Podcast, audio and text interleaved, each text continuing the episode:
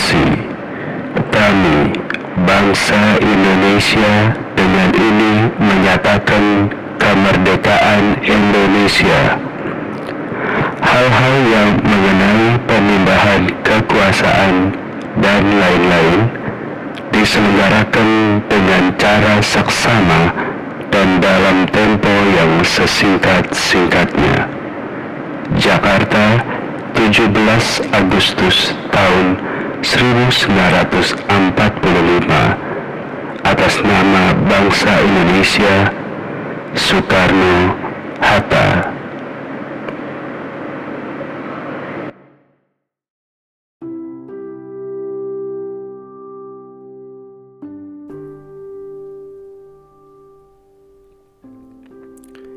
Assalamualaikum warahmatullahi wabarakatuh Selamat datang kembali di Potik Mangga um, Sebuah podcast tematik bersama saya Mas Angga Apa kabar kalian semua? Um, semoga dalam keadaan sehat walafiat um, Buat yang sedang isolasi mandiri mungkin sedang dalam keadaan tidak sehat um, Semoga segera sembuh, segera pulih, segera negatif dari COVID-19. Um, semoga segala sesuatunya menuju ke arah yang lebih baik. Um, ini akan tayang pada 17 Agustus 2021. Jadi uh, Dirgahayu Republik Indonesia ke-76 um, ini sudah 76 tahun Republik Indonesia merayakan kemerdekaannya dari tahun 1945 sampai 2021. Um, tema yang diusung kali ini um, Indonesia tangguh, Indonesia tumbuh, sepertinya masih merefleksikan um, keadaan saat ini dalam situasi pandemi. Jadi semoga kita semua tangguh untuk bisa menghadapi badai pandemi dan segala macam turunannya. Uh, dan diharapkan juga kita bisa bertumbuh setelah kita melewati badai ini. Hmm, tadi gue sempat uh, cosplay membacakan teks proklamasi uh, ala Bapak Presiden pertama kita Insinyur Soekarno. Uh, 76 tahun kita merayakan deklarasi kemerdekaan Republik Indonesia menyatakan uh, merdeka dari kolonialisme dari penjajahan Jepang pada saat itu pada tahun 1945 setelah sebelumnya dari tahun 1942 dan ke belakang itu dari VOC um, bukan Belanda ya Uh, eh, 350 tahun katanya dijajah Belanda. Itu bukan Belanda itu VOC beda walaupun orang Belanda tapi bukan dari kerajaan Belandanya sendiri tapi dari VOC-nya uh, 76 tahun kita sudah menyatakan merdeka dari segala bentuk penjajahan. Um, tapi sepertinya belum bisa merdeka sepenuhnya. Dalam arti merdeka dari pandemi, merdeka dari COVID-19. Um, ini direkam pada saat masih PPKM level 4 di bulan Juli agak kecepatan mungkin memang tapi ya ya mumpung masih PPKM gue mencoba merekam banyak podcast jadi um, ini akan tayang di 17 Agustus masih level 4 pada saat gua rekam ini. Semoga sih nantinya pada saat ini tayang kita semua sudah lewat dari PPKM um, walaupun memang keadaan saat ini masih cukup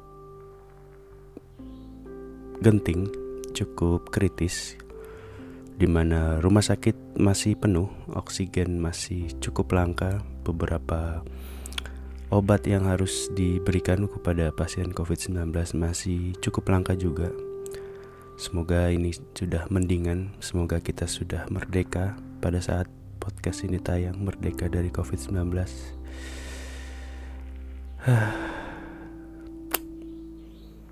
um, pada saat Insinyur Soekarno dan Muhammad Hatta melakukan deklarasi kemerdekaan Indonesia di Pegangsaan Timur tahun 5 eh, nomor 56 di tahun 1945. Gua rasa mereka nggak akan nyangka juga di 76 tahun kemudian bahwa akan ada sebuah penyakit maha dahsyat yang memporak-porandakan negara yang mereka cintai ini, republik ini Walaupun memang bukan cuma kita doang yang sedang mengalami pandemi, seluruh dunia tidak terkecuali.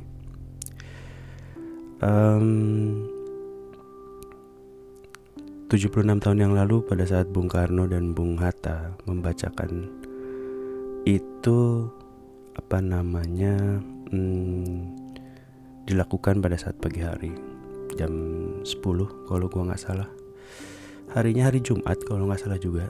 Ya satu hari sebelumnya mereka merumuskannya dengan generasi muda yang dianggap generasi muda di Rengas Dengklok. Karena waktu itu memang sempat ada sebuah ke perdebatan sebuah perdebatan antara generasi muda dengan generasi yang dianggap cukup senior di mana generasi muda ingin segera kita memproklamasikan kemerdekaan sementara Bung Karno dan Bung Hatta masih menganggap kita masih perlu diskusi atau masih perlu pendekatan um, diplomasi dengan pemerintah Jepang.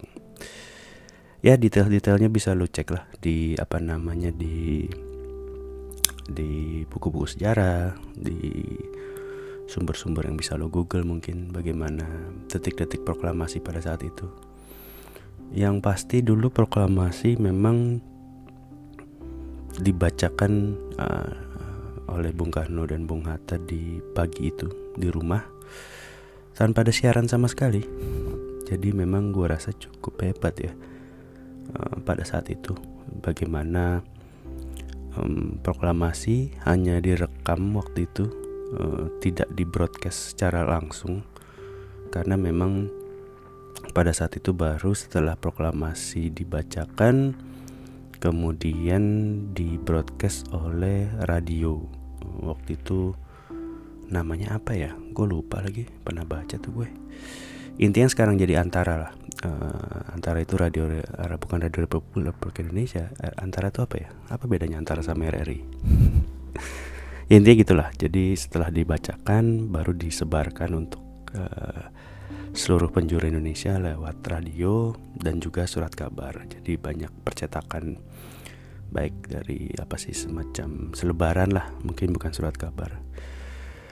Um, gue pernah baca di salah satu cerita bahwa pada saat uh, menyiarkan apa namanya berita proklamasi itu pun apa namanya dilakukan secara sembunyi-sembunyi. Karena memang pada saat itu broadcast radio atau apa namanya stasiun radio itu masih dikuasai oleh pemerintah Jepang. Sehingga memang bos-bos radionya masih orang Jepang. Sehingga pada saat uh, rakyat Indonesia yang bekerja di sana untuk menyiarkan berita itu masih dalam sembunyi-sembunyi walaupun memang akhirnya beritanya tersebar.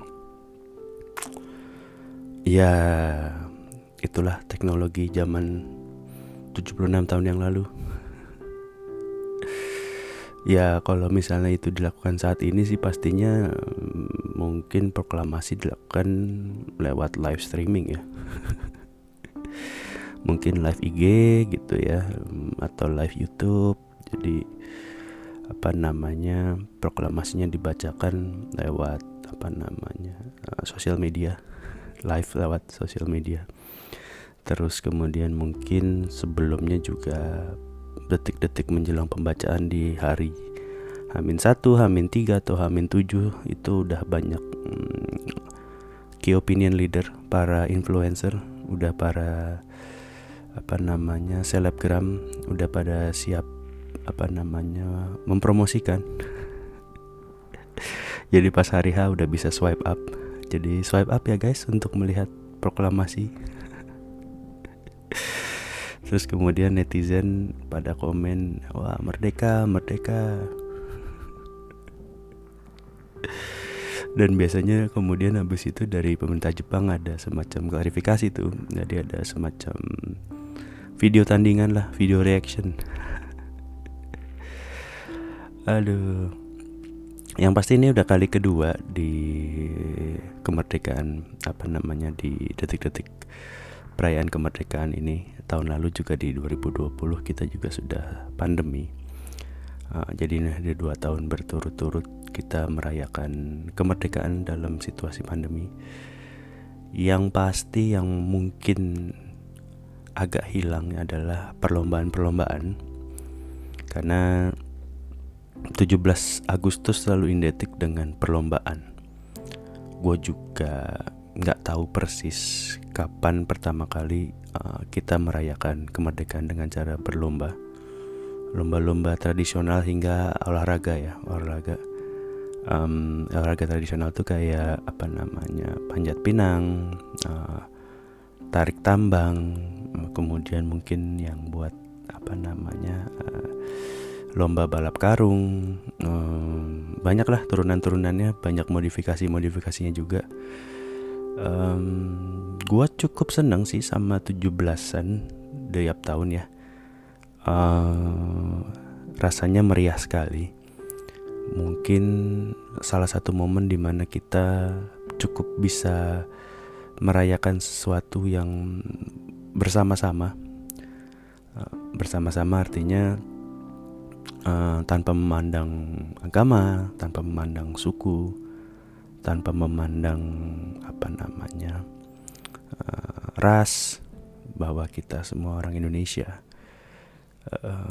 beda kalau misalnya perayaan agama hanya dilakukan oleh uh, umat agama tertentu gitu yang lebaran hanya Islam yang Natal hanya Kristen dan seterusnya. Di 17 ini 17-an ini memang semua merayakan. Ya itu tadi ikut lomba-lomba yang tadi tradisional itu tadi. Kemudian juga mungkin gua nggak tahu di daerah lo apakah misalnya ada semacam apa dulu ya um, menghias kampung gitu, gapura dan seterusnya. Walaupun memang tradisi ini mulai agak terkikis di wilayah-wilayah perkotaan ya, uh, tapi memang jumlahnya nggak signifikan dibandingkan dengan perayaan yang terjadi di daerah pedesaan atau perkampungan gitu. Uh, apa namanya uh, di daerah-daerah tertentu memang masih sangat meriah gitu pada saat sebelum pandemi.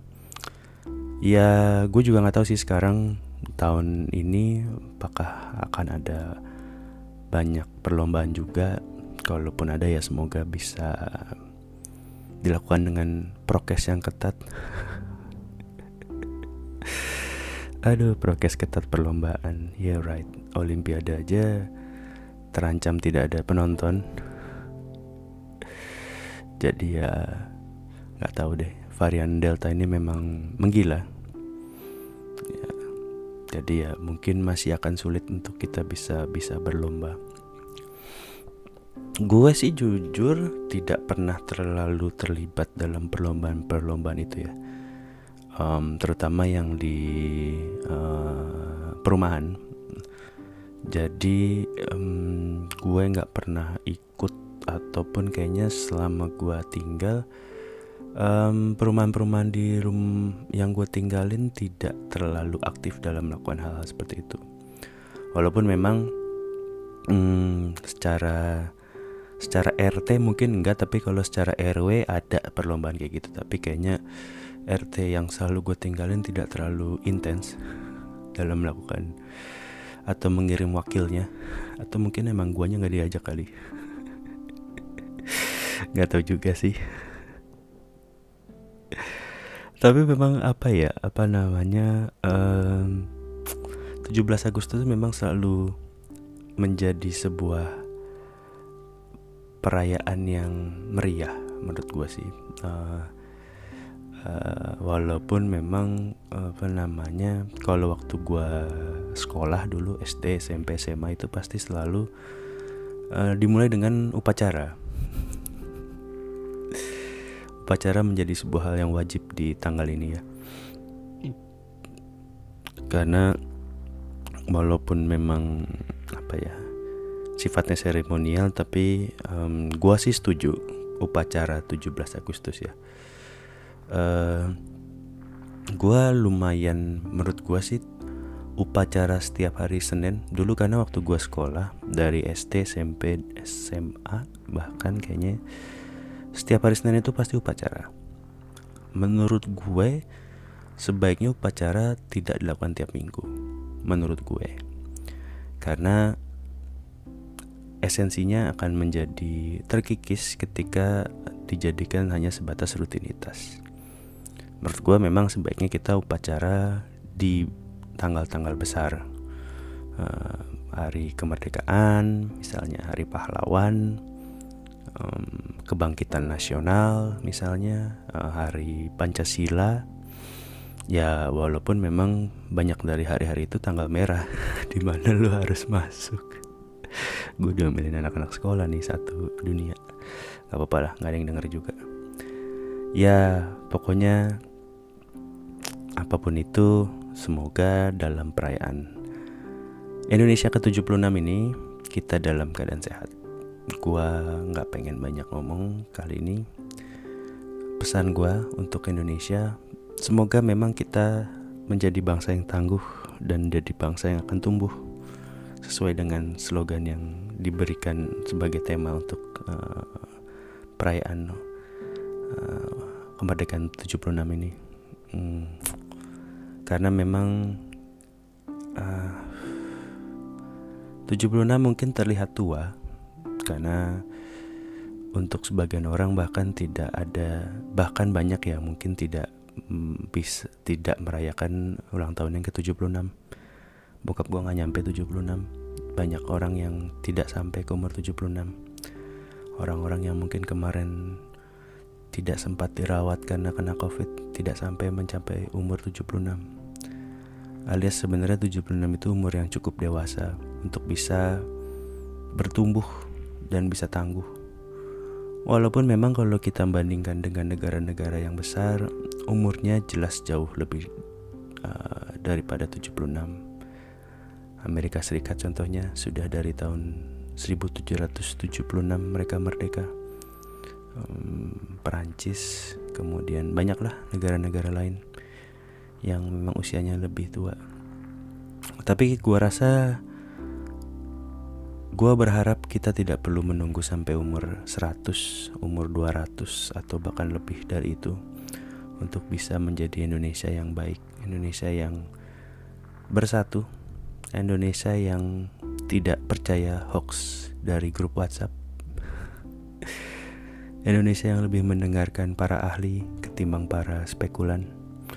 Indonesia yang lebih bisa bijak dalam bersikap, Indonesia yang tahu kapan harus berpendapat dan kapan harus mendengarkan. Itu aja dari gue. Semoga Indonesia yang kita semua cinta ini bisa menjadi Indonesia yang kita cita-citakan bersama. Oke, sampai jumpa di episode berikutnya. Um, sekali lagi selamat ulang tahun kemerdekaan untuk Republik Indonesia ke-76. Sampai jumpa di episode berikutnya. Wabillahi taufik walhidayah. Wassalamualaikum warahmatullahi wabarakatuh.